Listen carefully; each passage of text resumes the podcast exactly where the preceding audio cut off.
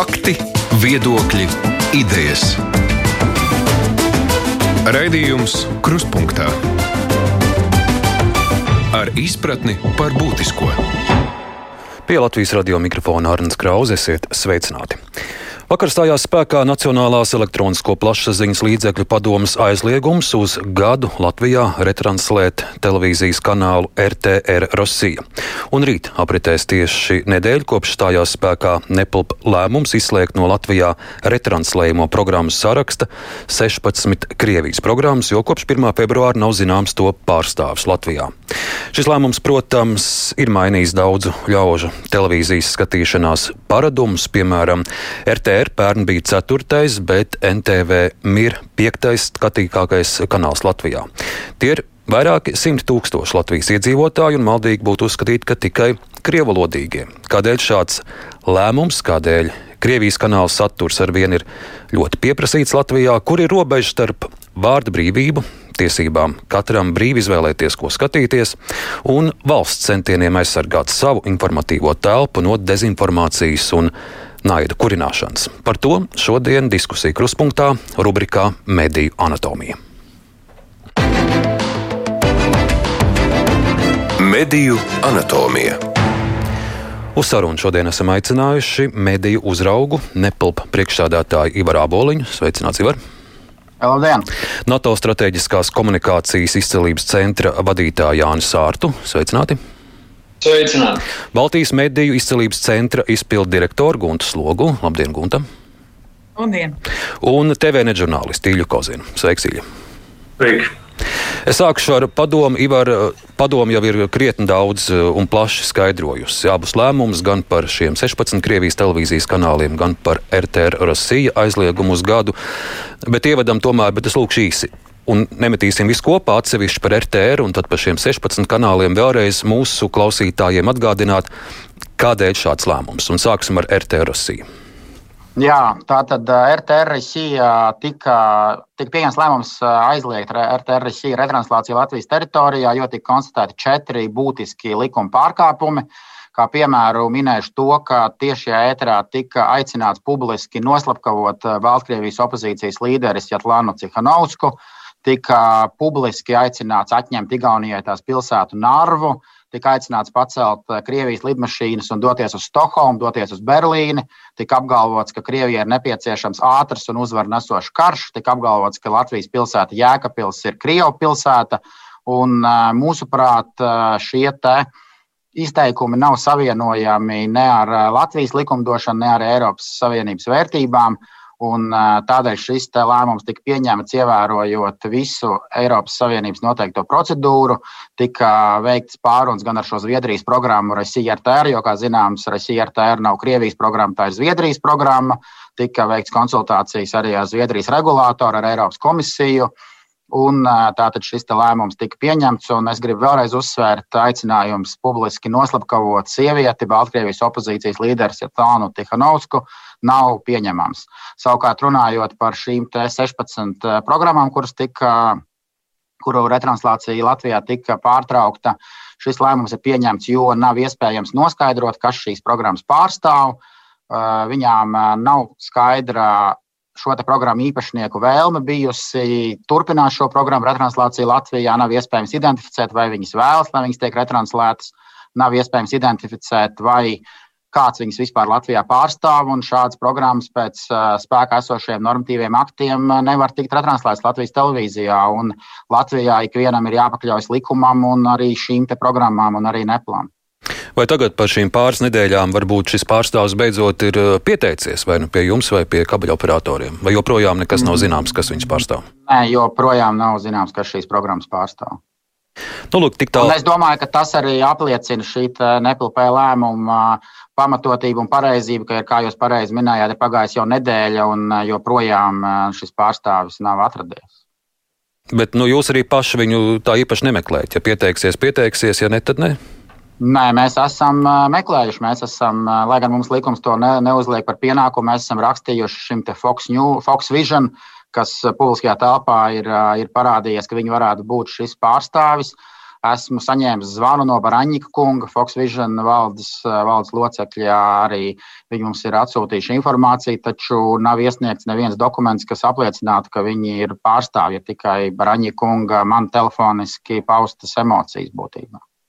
Un, lai klausītājiem vēl tāda lielāka skaidrība, tad iepriekš uh, vairumu no šiem kanāliem pārstāvēja tāds CIA TMLV.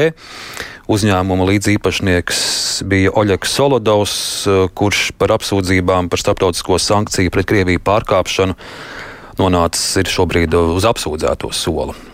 Un tā tad Baraņa kungs tā kā vienbrīd bija, bija domājis, ka tagad viņš varētu pārņemt ja, šīs tiesības. Nu, tā ir izskanējis publiskajā telpā. Jā. Nu, lūk, tik tālu par RTRC un 16 uh, Krievijas programmām. Lai mums uzreiz sāktos diskusija, Īļa, es sākšu ar tevi, jo tad, kad uh, šis lēmums uh, tapa zināms, tu Twitterī ierakstīji vai precīzāk sakot, atgādināja, ka dažāda veida Krievijas kanāla aizliegumi Latvijā ir jau kopš 2014. gada. Bet, kā tu raksti, neviens tā īsti nav pētījis to efektu ko šādi aizliegumi ir atstājuši. Un, un cik, cik šāds uh, aizlieguma ierocis ir, ir, ir kaut ko mainījis informatīvā vidē. Par šo, par šo efektu pats esi domājis, pats esi pētījis, ko šādi aizliegumi ir devuši vai nav devuši. Mm, godīgi sakot, es pat labi pētu, gatavoju par to publikāciju un uh, laikam no tādiem plašākiem. Nē, nu, man pat nav ko atturēties no komentāriem, jo ir tā, ka es vēl aizvien esmu meklējumos, es neesmu pagaidām vēl uh, atradis kādu pētījumu vai aptauju, kas, kas apliecinātu uh, reālas izmaiņas cilvēku, nu, nezinu, domās, sabiedriskajā domā par konkrētiem notikumiem. Nu, šeit mēs galvenokārt runājam par kaut kādiem starptautiskiem notikumiem, jo Krievijas propaganda parasti mēģina novirzīt savu skatītāju domu par labu vai par sliktu kaut kādam starptautiskam notikumam, kur, ir, kur piedalās Krievija, tā varētu teikt. Nu, jā, bet es, es tiešām cītīgi esmu meklējis. Es pagaidām neatrodu. Es tikai varu minēt un aprakstīt kaut kādas savas sajūtas un novērojumus. Uh, Nu, Es esmu runājis ar daudziem cilvēkiem, kopš kanālī to retranslācija regulāri tiek aizliegta. Šeit es laikam piekritīšu Andai Rožakalnei, kas nesen man šķiet pat krustpunktos ir teikusi, ka nu, šādu lēmumu viņi var aizkaitināt cilvēkus. Un ka šeit ir, nu, ja tu aizliedz, tad jāpiedāvā alternatīva. Un, manuprāt, ja būtu šāda nu, kvalitatīva alternatīva, Proti, labs gan izklaides saturs, gan kvalitatīvs informācijas saturs. Ar to, starp citu, nu, manuprāt, mums Latvijā tā kā problēma nav, bet izklaides saturs tur, tur gan būtu jāpiestrādā. Tad, iespējams, nu, tas, tas cilvēku sašutums varbūt nebūtu tik liels.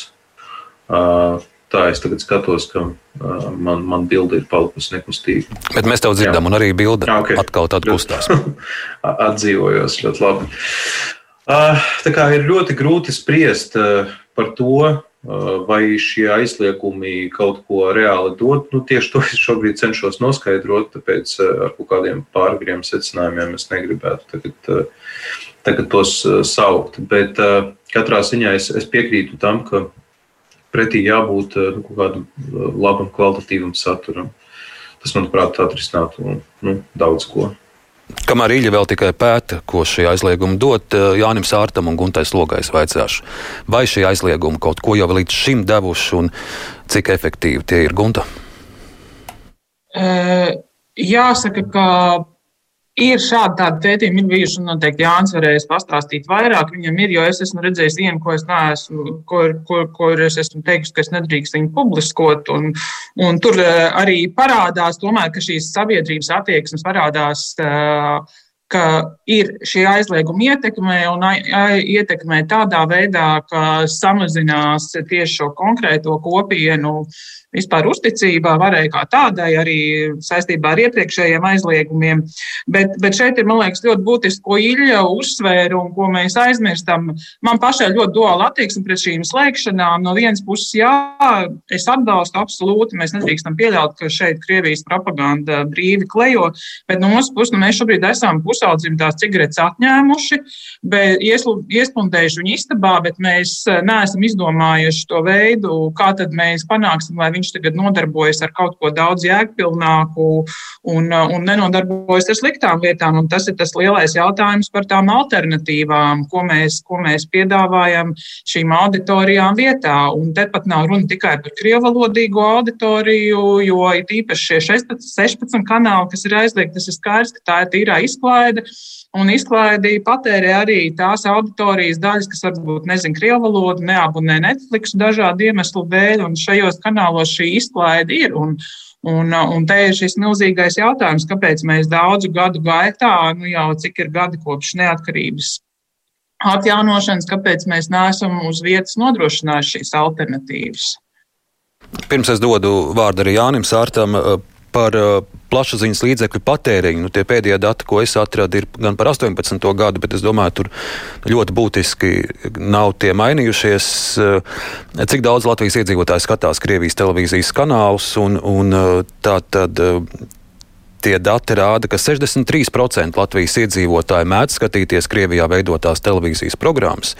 No šiem 63% 52% latviešu skatās Krievijas TV veidotās programmas. Un 28% iedzīvotāji mēdz skatīties Krievijā veidotās ziņu pārraides, bet uh, vairums, vairums patērē izklaides saturu. Nu, es tā ļoti, ļoti aptuveni, bet uh, tā rēķinot, nu, vidēji katrs trešais uh, Latvijas skatītājs, tā skaitā latviešu valodā runājošie, skatās arī Krievijas televīzijas kanālus. Un kā jau Andriņš Oškāns teica, daļa tagad uh, ir patiešām pikti, jo arī es redzu kruspunktā skatītāju, klausītāju, ko mums vēstulēs raksta. Uh, liela daļa uzsver, ka viņi neskatās ziņas, ka viņi neskatās Solovjovu, ka viņi saprot, ka tā ir propaganda, bet viņi skatās raidījumus par dabu, viņi skatās uh, labas filmas, nesen rādīt esot Anna Karēņina un, un, un viss kaut kas cits. Kāpēc to liekt? Sārtkungs.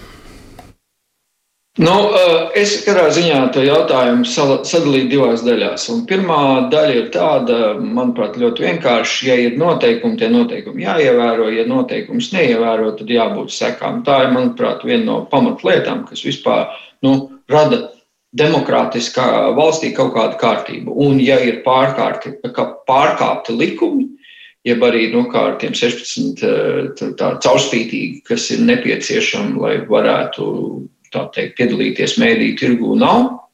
Un tad ir jābūt sekām. Man liekas, tas ir ļoti vienkārši. Un uh, šajā gadījumā es teiktu, uh, es atbalstu šādu soli. Otra lieta ir uh, par auditoriju. Un šeit atkal ir vairākas apakšlietas. Pirmkārt, protams, televīzija joprojām ir viens no lielajiem informācijas un izklaides avotiem, bet mums jāsaprot, Šeit mēs nerunājam vairs 2013. vai 2014. gadā, šis ir 21. gads, un arvien lielāka auditorijas daļa, it īpaši informācija, jau pamatā saņem citās vidēs, nevis televīzijā. Un arvien lielāka daļa arī sāk arī izklaidi, sāk dabūt citos veidos nekā patiešo caur televīziju.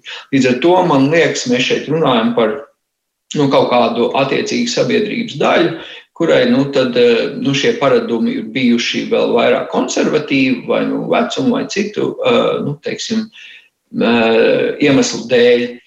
Un šajā gadījumā jāsaka, ka jebkurš šāds solis, nu, kad tiek pārkāpts noteikumi, kaut kas tiek izņemts ārā, būtu saskāries ar šādu, uh, šādu reakciju. Ja? Nu, un dēļ šīs reakcijas, vai tāpēc mēs sakām, ok, jūs varat tāpēc neie, neievērot kaut kādus noteikumus vai likumus, man liekas, nu, nav līdz galam pamatots. Otra lieta ir, vai var šo nu, kas, protams, Krievijas televīzijas kanālos tas izklaides saturs salīdzinoši, nu, kā mums atšķirās, protams, bet nu, salīdzinoši kvalitīvs, liela nauda tiek ieguldīta. Vai mēs šeit Latvijā varam radīt konkurējošu saturu? Es būtu ļoti skeptisks, jo mums tīri, nu, pēc mūsu izmēra, mums nekad nebūs tādas naudas, kuras mēs nevaram ielikt šajā saturā. Bet, kā jau es teicu, jāskatās un varbūt jāveido, jāveicina citi paradumi, kā kā šo izklaides saturu var uh, iegūt uh, jau nu, tajos modernos veidos. Turklāt nu, atzīsim arī, uh, ka nu, aizliegtajā pārraidē šie kanāli ir, bet nu, tie, kas tiešām vēlas, nu, ir jau pārslēgušies un atraduši jaunus veidus, kā pie tiem tikt klāt. Nu, lūk, par šiem jauniem veidiem, kā šos Krievijas kanālus tāpat skatīties, es vaicāšu padomus uh, vadītājam. Uh, šis pats rādījums 60 sekundes, un pamatā jau tur uh, tā citātie jūsu piemēri Ivar par, par šo naida runu šajās 60 sekundēs. Es pieļauju, vairums gadījumu ir izskanējuši, vismaz cik es tur esmu redzējis. Tur, nu, patiešām ir visa, visa esence tam, tam naidam, kas ir pret uh, kaimiņu valstīm no, no, no Kremļa puses. Uh, Arī šodien, ja es gribētu šīs 60 sekundžu raidījumu noskatīties, es ieju YouTube un, un ierakstu 60 minūtes uh, pa pausu, un Skarabā jau laikam ir tā žurnālisti. Un es to raidījumu tāpat, uh, jā, es, tā, es to raidījumu tāpat bez visiem aizliegumiem brīvi varu noskatīties. Es to propagandu tāpat uh, redzu katru dienu acu priekšā, cik, cik tas viss ir efektīvi. Nu, Tātad šim, šai, šai atbildēji ir vairākas daļas. Pirmā ir aizliegts arī nepiesprādzēties, braucot ar automašīnu vai sarunāties par mobilo tālruni. Tas, ka kāds to dara un kāds izvēlās pārkāpt noteikumus, nenozīmē, ka tam ir jābūt atļautam. Ir veikti konkrēti pārkāpumi, ir pieņemti konkrēti lēmumi, un tas, ka kāds izvēlas tos neievērot, tā ir šī cilvēka atbildība. Un vienmēr būs noteikumi, kurus kāds neievēros. Savukārt, ja mēs paskatāmies uz uh, otru šī jautājuma daļu, tad, uh, protams, šim, šim tam, ko es tagad teikšu, nav saistības ar mūsu lēmumu, jo mūsu lēmums ir pieņemts par konkrētiem pārkāpumiem. Taču jāsaprot, ka pamatā jau tā Krievijas propaganda nav šajos Solovjo raidījumos vai Skabājās raidījumos. Pamatā šī propaganda ir uh, visos šajos izklaides šovos, seriālos, filmās, kur ir skaidri vēstījumi.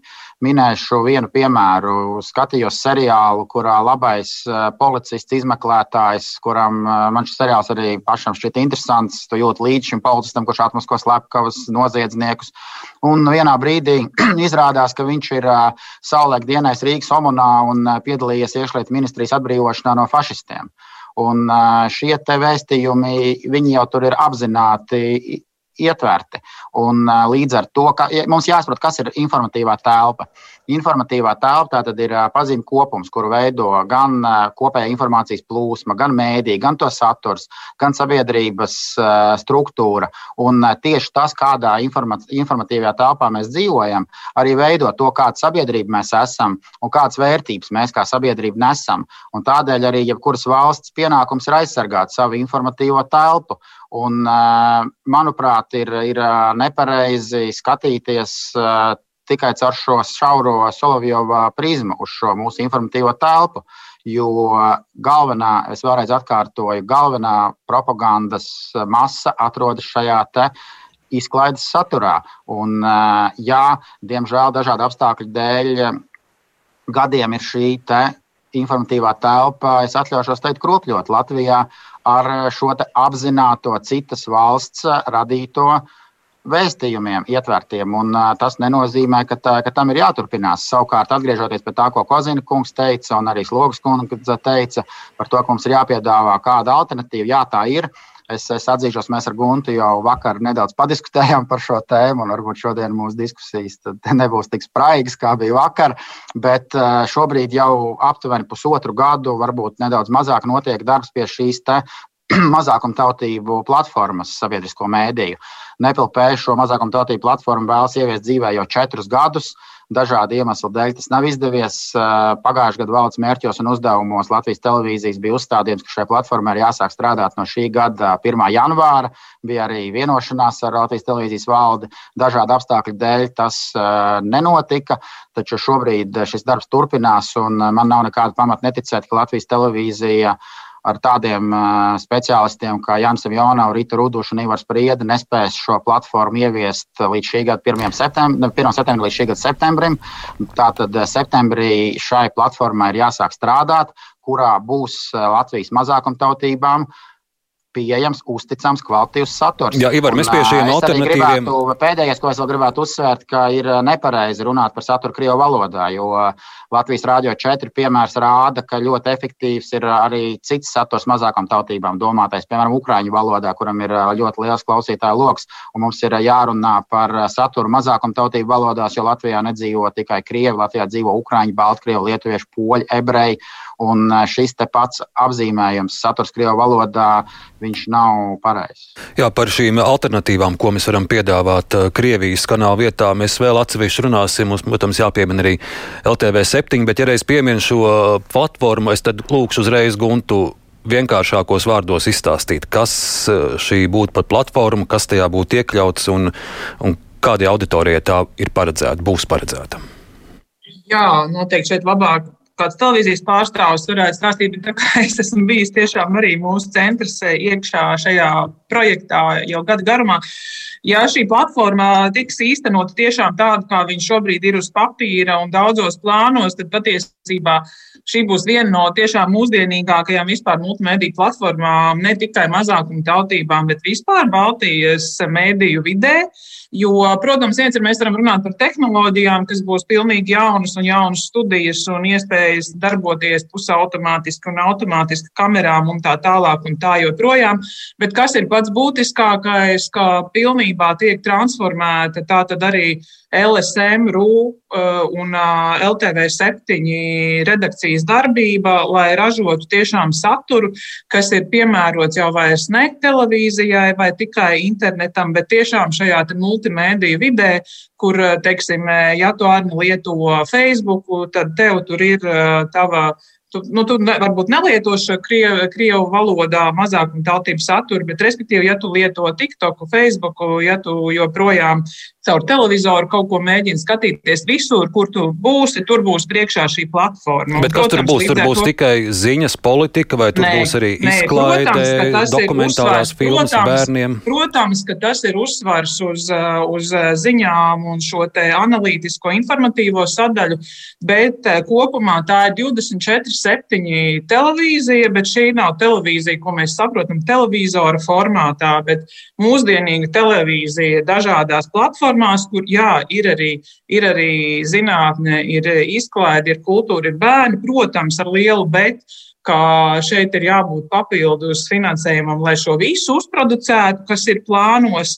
Bet mums ir, protams, arī šie partneri, kā Deutsche Welle, BBC, kas vienmēr ir gatavi arī šo papildus saturu papildināt un piegādāt. Tā kā Tā kā kopumā, jā, šis ir, teiksim, visai mēdīju vidē, es pat teiktu, tāds eh, ļoti liels, ja mēs runājam šogad, eh, tas ir lielākais projekts, kāds mums ir. Un, protams, tā lielais, tas lielais jautājums, kas nav līdz galam ir atbildēts, kā mēs eh, pārliecinām to pavisam mazo auditoriju, kas bija LTV 7, ka viņai ir jāpārnāk uz to internetu un vai viņi māk pārnākt. Un tas ir tas lielais izaicinājums, pie kā mēs strādāsim. Un, kurš ir jāatrisina tuvāko mēnešu laikā.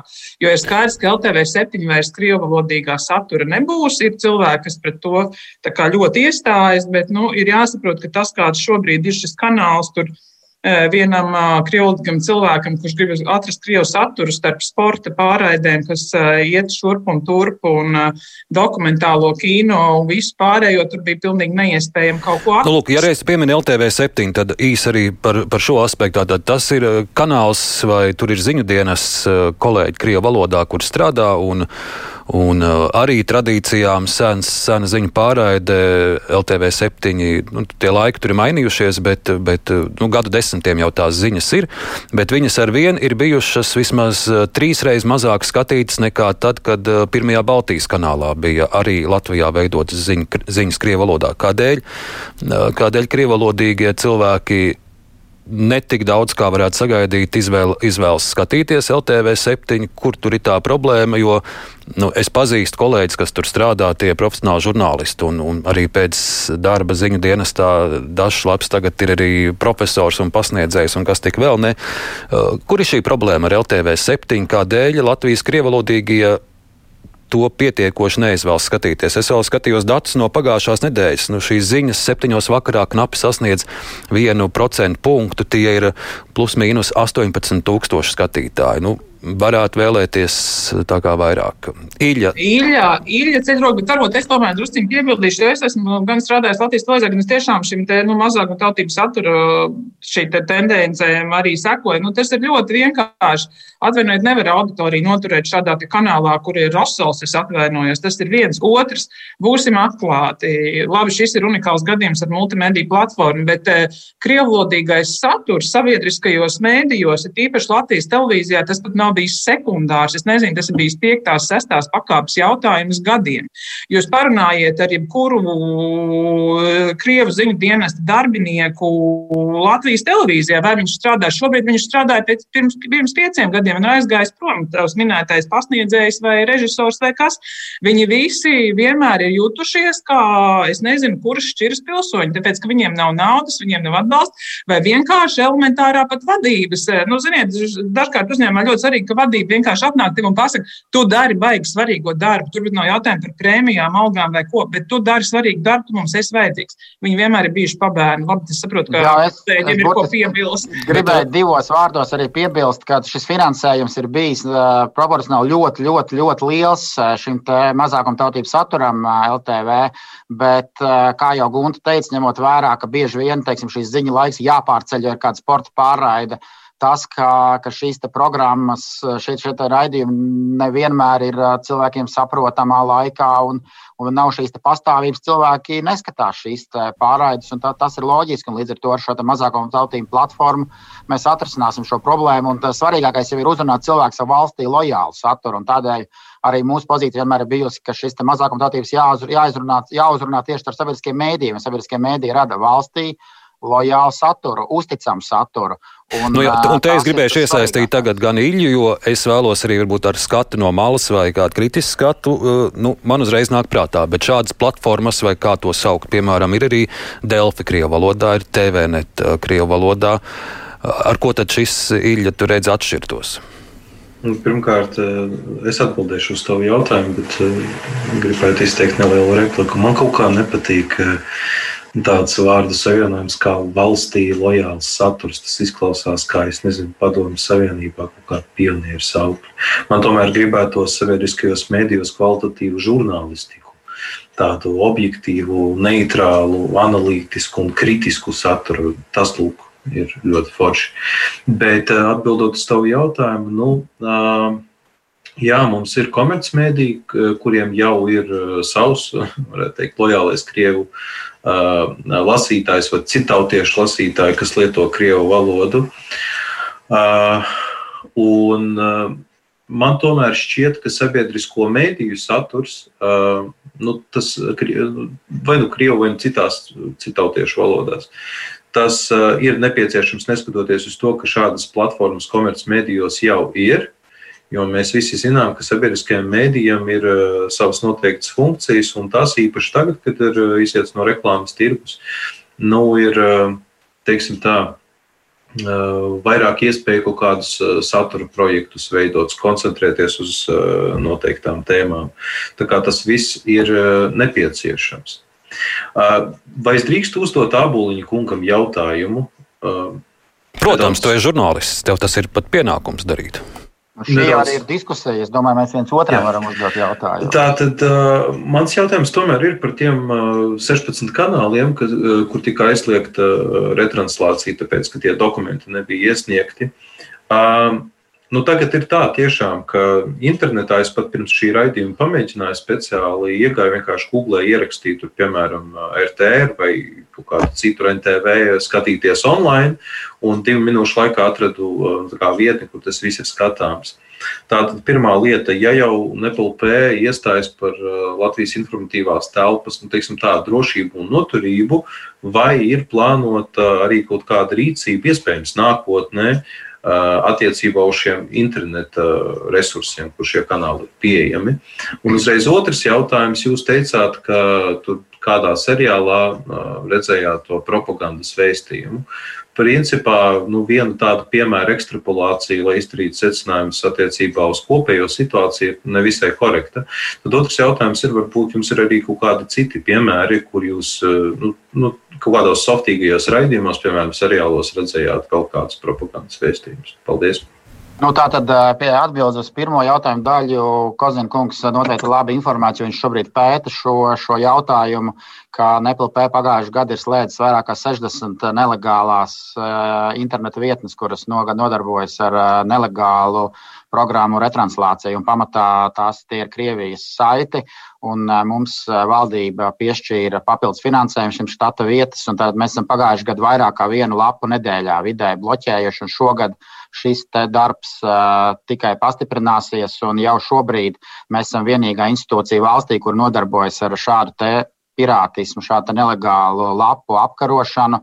Un savu resursu ietveros mēs šobrīd darām maksimumu un darīsim maksimumu. Jā, vienmēr būs lapas vai cilvēki, kas atradīs veidu, kā pārkāpt, kā neievērot likumu, taču uh, Šobrīd eh, šīs lapas tiek, eh, es teiktu, masveidā bloķētas, un, eh, protams, tiek viņi meklē veidu, kā apiet mūsu, mūsu lēmumus, un, un, un mēs bloķējam arī šīs jaunās vietnes, kas tiek kas tiek veidotas. Un, un īstenībā par seriālu vai ir vēl kāds piemērs, izņemot šo omaniešu stāstu?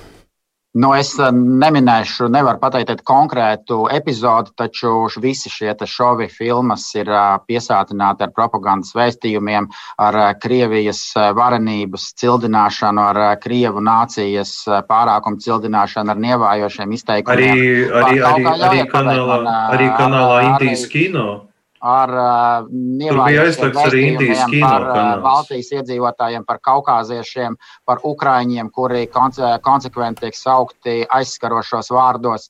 Šajās te uh, izklaides un filmu programmās pamatā ir vēstījumi, kuri uh, atbalsta Krievijas uh, federācijas Jūs... varenību un ievērš izturās pret citām valstīm.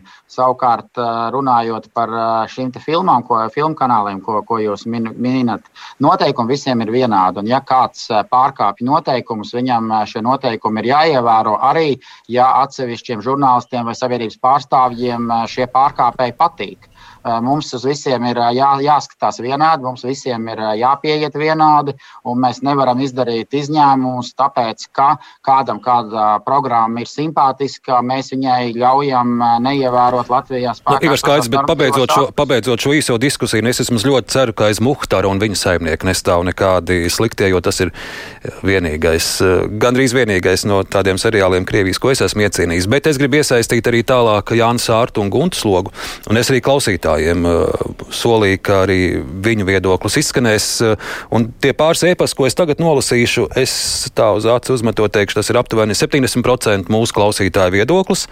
Tad, nu, lūk, daži teikumi no mūsu klausītājiem. Dace raksta, manuprāt, Krievijas kanāla slēgšana ir darbība pa tukšo. Cilvēku nemaz nav tik lieli muļķi, kā tiek pieņemts. Saprātīgs cilvēks pats spēj izdarīt secinājumus. Cenzūra nemaz nav nepieciešama. Es labprāt paskatījos ziņas Krievijas kanālos, lai secinātu, cik pat patiesībā Krievija ir liela mēlu lielvalsts un priecājos, ka esam no viņiem prom. Tie, kam Putins ir svētums, tik un tās savas domas nemainīs. Raugies, no kuras puses gribi, cenzūra ir un paliek cenzūra. Tā daca. Inārai lūk šāds viedoklis ļoti slikti, ka Nepalpa aizliedz rādīt Krievijas kanāls. Tajos ir daudz patiešām interesantu raidījumu par dažādiem tematiem. Latvijas televīzijas kanālos tādu nav, un Krievijas propagandas raidījumus es neskatos. Domāju, ka cilvēki ir spriestspējīgi un zina, ko skatītos. Uzskatu, ka šāds aizliegums ir cilvēktiesību pārkāpums un cenzūra. Un vēl viens viedoklis Pēters ir nu pat atrakstījis, reflektējot uz Guntas slogas sākumā teikto par Krievu kanālu graujošo ietekmu uz Latvijas iedzīvotāju uzticību valsts varai tad nekas tik ļoti negrauj šo uzticību kā tieši Latvijas mēdīte, tā skaitā arī sabiedriskie, kas vienā laidā kritizē visu, ko dara valdība. Lūk, Daži tikai no mūsu klausītāju viedokļiem, bet es teikšu, jau pēdējās dienas lasot e-pastu, mm, tā raksta mums vairums Sārtkungs. Ne, nu, protams, ka cenzūra ir, ir galējs, eh, galējs instruments, ar ko būtu jānodarbojas. Šajā gadījumā, manuprāt, kā jau es teicu, sākumā ir noteikumi, nu, piemēram, tieši tā kā Abolīna kungs teica, nu, ja tu aicini galināt kādu, nu, tas nedrīkst tā vienkārši palikt tur, un tur nav nekādu seku, vai tas ir Krievijas, Latvijas vai Amerikāņu kanāls. Man liekas, tur jābūt skaidri. Otrs, es piekrītu arī, ka e, šie te, um, Krievijas narratīviem stāsti nav tikai sakoncentrēti uh, tikai ziņu raidījumos. Jo mēs uh, pirms četriem gadiem taisījām tādu uh, pētījumu, kādā veidā humora raidījumu, Krievu humora raidījumu stāsta pa pasauli, nu, par ko viņi smējas, kā viņi smējas. Un mums bija liels pārsteigums redzēt, ka Uh, principā lielākā daļa populārie humora raidījumi Krievijā ļoti uzcītīgi uztur šo te um, Krievijas vēstījumu. Nu, vienmēr pasmiesies par rietumu līderiem, vienmēr pasmiesies par kaut ko citu, bet ja Putinu pasmiesies, tad vienmēr viņš būs nu, tādā. Uh, komplementārā veidā parādīts. Un arī šis pētījums, es atceros, vislielāko Krievijas teikt, atbildi, jeb ažiotāžu Krievijā radīja. Un, ja mēs paskatāmies, kas dod medaļas šiem cilvēkiem, kas vada KVN un tā tālāk, par, nu, tur, tur, tur ir acīm redzams, ka tas ir plašāk kā tikai ziņu raidījums. No otras puses, protams, mēs skatāmies uz informācijas vidi, kas mainās. Ja? Un, un teiksim, kanāla aizliegums nekas vairāk kā tikai tāds nu, žests, ka tas nav labi un ko viņi izdarījuši. Tas nav, jo tas uh, nelieks cilvēkiem skatīties, ja viņi tā vēlēsies. Ja? Un šie veidi un formas, uh, kā nokļūt līdz saturam, ir uh, daudz plašāki. Un es domāju, arī mums, skatoties pa savu informatīvo telpu, jāskatās nu, pa nākamajiem soļiem. Jo bieži vien ar vien vairāk cilvēku skatās to uh, saturu, ko iedod algoritms. Kādā Bet, veidā? Jā, un tad es precizēšu, Sārtkungs, eh, tad, ja es pareizi saprotu, jūs šo, šo ierobežojumu aizliegumu vairāk uzskatāt par žestu, nevis tādu iedarbīgu ieroci. Jā. Gunta, un tu turpinot? Jā, teiksim, atbildot Iļam, es arī nesen skatījos romantisku filmu, Krievijas atzīšos, gribēju vienkārši neko nedomāt. Un, un galvenai varonei slēdz muzeju, un tad visu šo vispār visu nelikumīgas vietējā apgabalā Krievijas atrisināja viens vīrs Kremlī tāds stilkts. Jā. Nu, tā kā, tā kā, bet labi, bet tas varbūt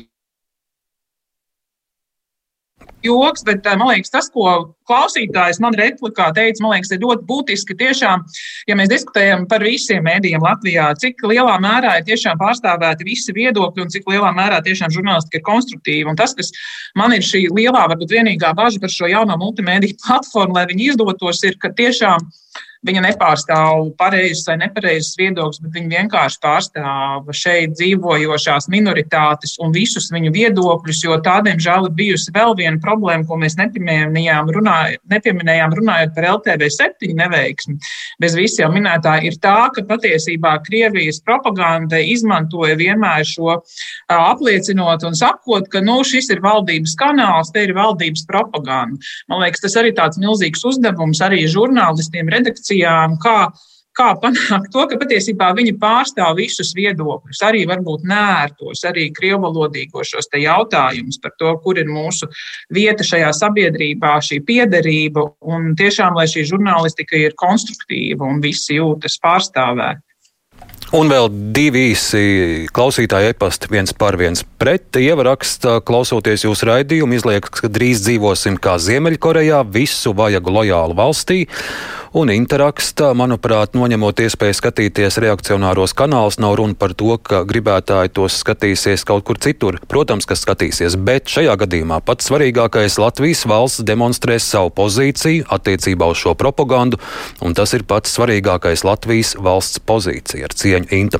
Klausītāji šodien diskusijā mums piedalās Nepilpa priekšsēdētājs Ivars Āboliņš, NATO strateģiskās komunikācijas izcelības centra vadītājs Jānis Sārts, Baltijas mediju izcelības centra izpildu direktora Guntas sloga, un TVNet žurnālists Cīļa Kozins jau pēc pavisam īsa brīža mēs turpināsim.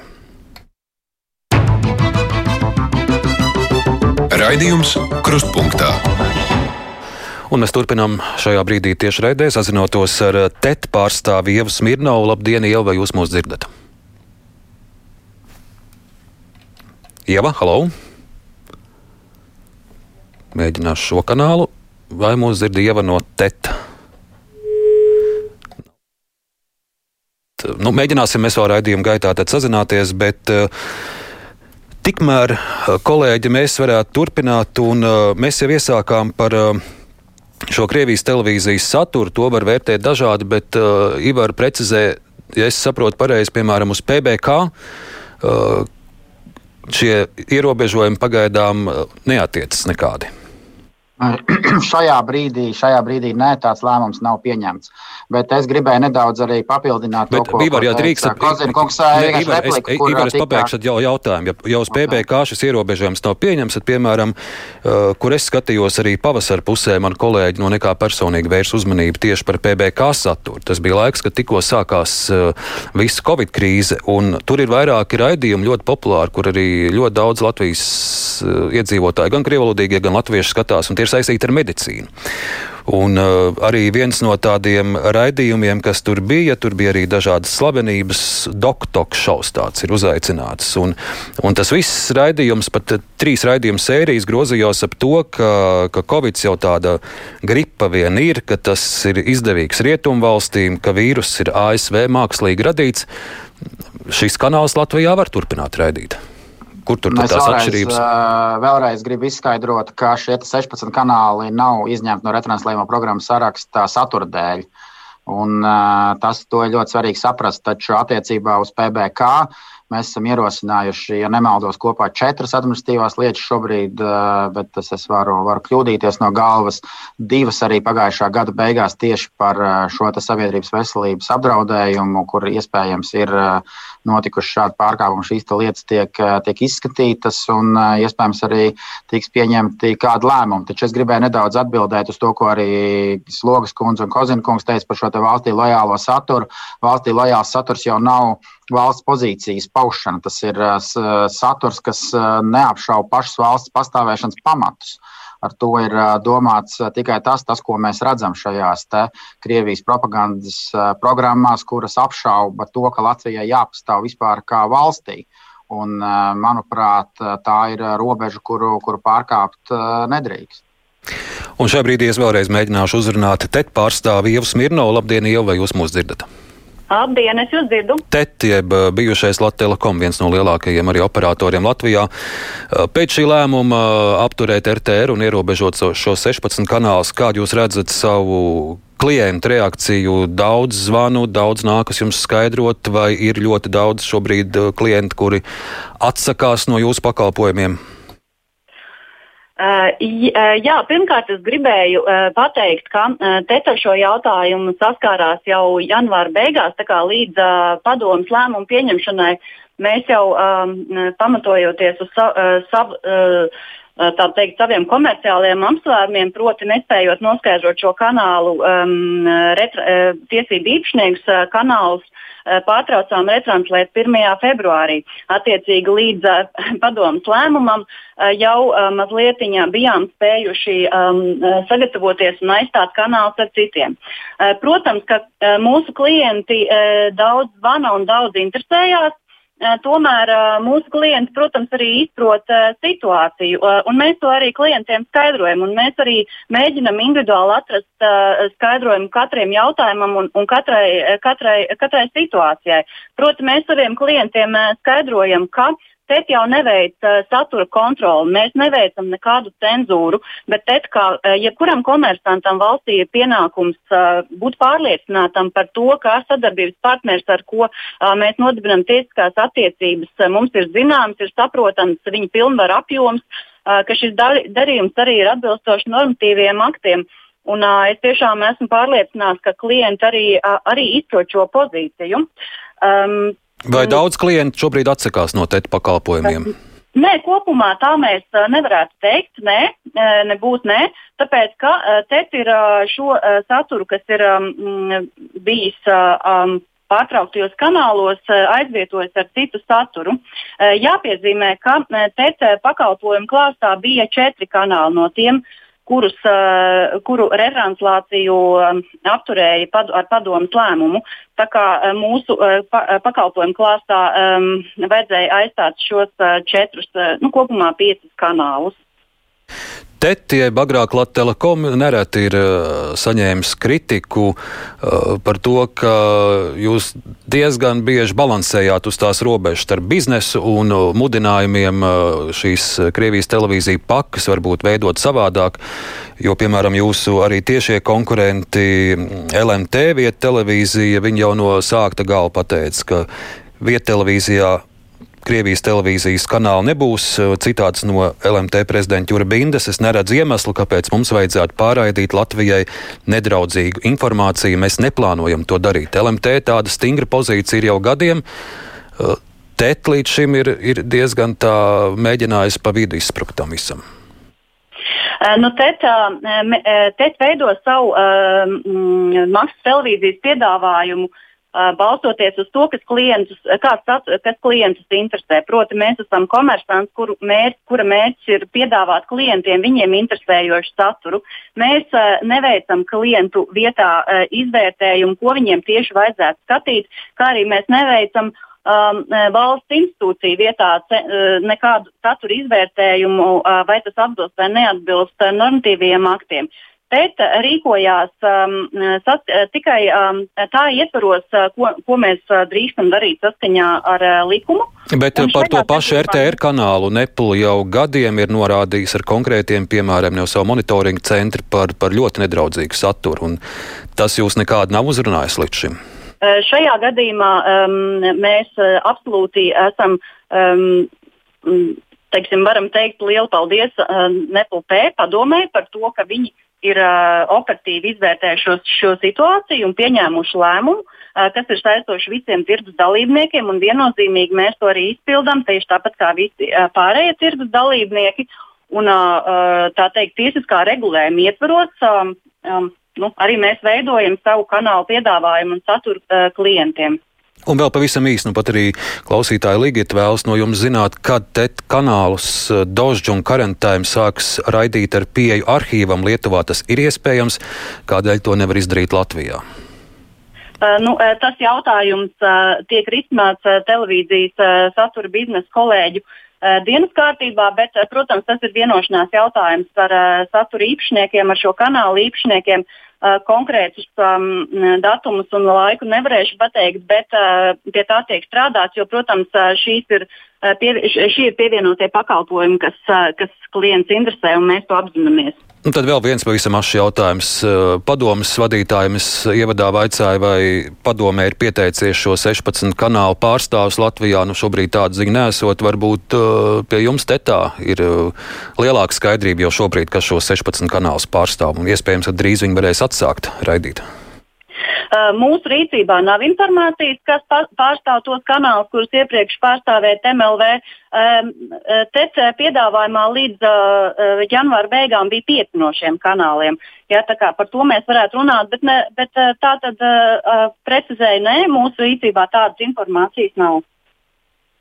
Paldies, paldies par šīm atbildēm, Ieva Smirnova, TET pārstāvu, un paldies jums. Un turpinot sarunu, un diskusijai dodoties uz noslēgumu pusi. Kā jūs redzat, eh, nu, kas notiks tālāk? RTR skaidrs, ka, eh, ka viņiem nesilts nav augsts, piemēram, no, no mūsu aizlieguma, un, un, un, un paies gads, un, un, un atkal tur būs jauni nozliegumi, jauni pārkāpumi. Vai mēs varam pieļaut, ka, piemēram, nu, līdz ar to tāds kanāls RTR Latvijā ir uz neatgriešanos? Ivar? Nu, pirmkārt, nav tā, ka RTR no šī aizlieguma nav ne silts, ne augsts, jo mēs gan komunicējām ar šīs Zviedrijas programmas pārstāvjiem, gan arī esam redzējuši iepriekšējā aizlieguma laikā, ka šī programma cieš ļoti liels zaudējums, kas saistīts tieši ar reklāmas e, izvietošanu. Un, uh, tas ir viltus apgalvojums, ka viņiem no tā ne silts, ne augsts. Taču, jāpēc. No nu, tādā ziņā es domāju, ne silts, ne augsts šiem galvenajiem propagandistiem. Tādā nu, viņa vēstījums nesasniegs zināmu sabiedrības daļu. Es domāju, ka uh, tas nav tā, ka viņiem ir ne silts, ne augsts, taču jā, pēc gada viņi atgriezīsies, jo uh, Latvijai ir jāievēro Eiropas Savienībā valdošie likumi un Latvijā valdošie likumi, un uh, NPLP turpinās šo programmu monitorēt.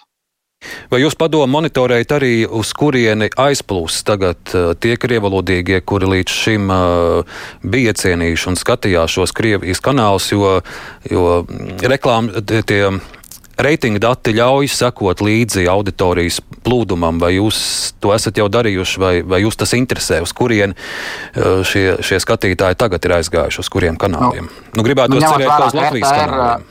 Ņemot vērā, ka RTR Resija nav redzams no vakardienas, tad, protams, šādu datu vēl nav, uz kurien aizgājuši šie skatītāji. Taču, ņemot vērā, ka mēs esam skatījušies, kas notika iepriekšējā reizē, kad 19. gadā tika ierobežota šīs programmas retranslācija, Mēs redzam, ka šie autori, protams, sadalās. Daļa aiziet uz citām Krievijas programmām, daļa aiziet uz eh, Latvijas programmām, jo nav tā, ka eh, Latvijas mazākumtautību iedzīvotāji vai tie latviešu runājošie iedzīvotāji, kas skatās šīs programmas, ka viņas neskatītos Latvijas programmas, citi pāriet uz citām retranslētām programmām. Tas ļoti sadalās un fragmentējas, jo cilvēki ir, ir ļoti dažādi un arī gaumas ir dažādas. Bet tad jau varbūt šai, šai jaunajai platformai būtu jābūt jāto pēc iespējas ātrāk. Man izklausās, ka septembris ir tāds jau pārāk tāls laiks. Protams, šai jaunajai platformai bija jāsāk strādāt no šī gada 1. janvāra. Tad mēs ne, ne, neredzētu to, ka šobrīd ir vakums. Dažādu iemeslu dēļ šis nepilnpēja valdes mērķis un uzdevums netika izpildīts, un šī programma nesāk strādāt no 1. janvāra. Taču mēs ticam, ka šī programma sāks, platforma sāks strādāt no šī gada septembra. Es saku, Gunter, kaut ko grib teikt. Nē, nu, es neko negribu teikt. Skaidrs ir eh, tādā ziņā, ka šīs auditorijas migrē, mēs redzam no iepriekšējiem gadījumiem, kad tik jau slēgta auditorijas migrē, viņas tur sadalās. Bet par šo platformu, protams, es arī varam piekrist, viņai vajadzēja sākt strādāt ātrāk, bet mēs ļoti labi zinām, šo mēs šo, šeit, šajā vietā nediskutēsim, vēl pēc tam palicis ir tik maz laika par to, kāpēc viņi nav. Ir arī kaut vai tas elementārais iemesls - finansējums. Un te mēs atgriežamies pie tā, ko gan es, gan Ilja sākumā teica. Tātad, kad mēs beidzot tiešām nopietni uztversim to, ka ir jāfinansē šis krievlodīgo saturs. Un te es nedomāju tikai sabiedriskos mēdījus, bet arī, ja mēs paskatāmies uz visiem šiem konkursiem, kas ir gan SIF, MAFā, gan arī Neplā, tad, eh, tad eh, krievlodīgajiem komercmēdījiem nav viegli pieteikties, piemēram, no SIF konkursā. Tu vari pieteikties tad, ja tu ražo saturu latviešu, un iedomājieties, cik tas ir absurdi, ka pēkšņi krievlodīgā radio stacijā ir raidījums, kas ir latviešu būtiski. Nu, teiksim, mēs to nevaram uztvert par tādu nopietnu arī atbalstu, teiksim, krievlodi. Es negribētu teikt krievlodi, bet vispār mazākumu tautību saturam kopumā. Bet tur, diemžēl, bija arī tāda nepatīkama precedenta, ka uz finansējumu pieteicās un to pat ieguva arī tādi atklāti naidīgi portāli pret Latviju. Arī tāds gadījums bija. Jā, bet tagad tas ir izskauts un ir arī konkursu nolikumā ielikts punkts par dezinformāciju. Tur varētu teikt, ka ir tomēr arī labās lietas, kas notiek, un šādi, es ceru, vairs neatkārtosies gadījumi. Vēl vārds Jānim Sārtam, es skatos, grib Jānis ko teikt. Es varbūt īsumā gribēju par struktūrālo problēmu, kas aiz šī visa stāv. Nu, lai kādu mēs finansējumu šobrīd liktu sabiedriskos mēdījos, viņš tāpat tā apjomā nekad nebūs līdzīgs tam, ko Krievijas valsts ieliek. Un otra lieta, arī tikai sabiedriskie mēdīji vien paši šo te, uh, informācijas telpu kvalitāti nenoturēs. Un mēs redzam, ka tā struktūrālā problēma ir, ka tā reklāmas nauda iet prom no uh, tipiskiem mēdījiem. Uh, Pēc 20. gada datiem aptuveni 200 miljoni bija aizgājuši no Latvijas reklāmas apmaksai dažādās internetu vietnēs, Facebook, Google un tā tālāk. Kas, teiksim, pirms 10, 15 gadiem liela daļa droši vien bija, lielākā daļa būtu aizgājusi dažādos mēdījos, kas būtu pilnīgi cita iespēja radīt citu kvalitāti. Un, un šī tendence nekur nepazudīs. Un mums jāmeklē risinājumiem, ilgspējīgiem risinājumiem, kā finansēt kvalitāti kvalitatīvu informācijas vidi, modernu kvalitatīvu informācijas vidi Latvijā. Ilja. Nu, ziniet, es negribētu tagad izklausīties kā baigais filozofs, bet tomēr mazliet sanāks. Ir tā, ka visas šīs lietas, par ko mēs šodien runājam, tās ir tikai, tā ir, nu, tās ir tikai cīņas ar sekām kanālu retranslācijas aizliegumi, eh, tā stiprinot Latvijas informatīvo telpu, um, platformas jaunas ieviešana. Uh, īsnībā ir tā, ja cilvēki, nu, es tagad runāšu par krievalodīgo auditoriju. Bet tev 20 tātad, sekundes vēl tikai. Pavisam, pavisam ātri. Tātad, uh, ja, ja, ja gribam cīnīties par to prātiem, tad tas jau bija jādara sen. Tagad ir vienkārši nezinu, jāstiprina kaut kāds tas, tas dialogs starp mums visiem. Cerot, ka nākotnē visi sapratīs un kritiski izvērtēs mediju saturu. Pat labi, tas, kas notiek, tā ir absolūta cīņa ar sekām. Un ļoti žēl, ka šī jaunā platforma tiešām neparādījās pirms kanāla aizliegšanas. Būtu bijis jābūt otrādi, ka vispirms parādās platforma, tātad saturs un pēc tam kaut kāda aizlieguma.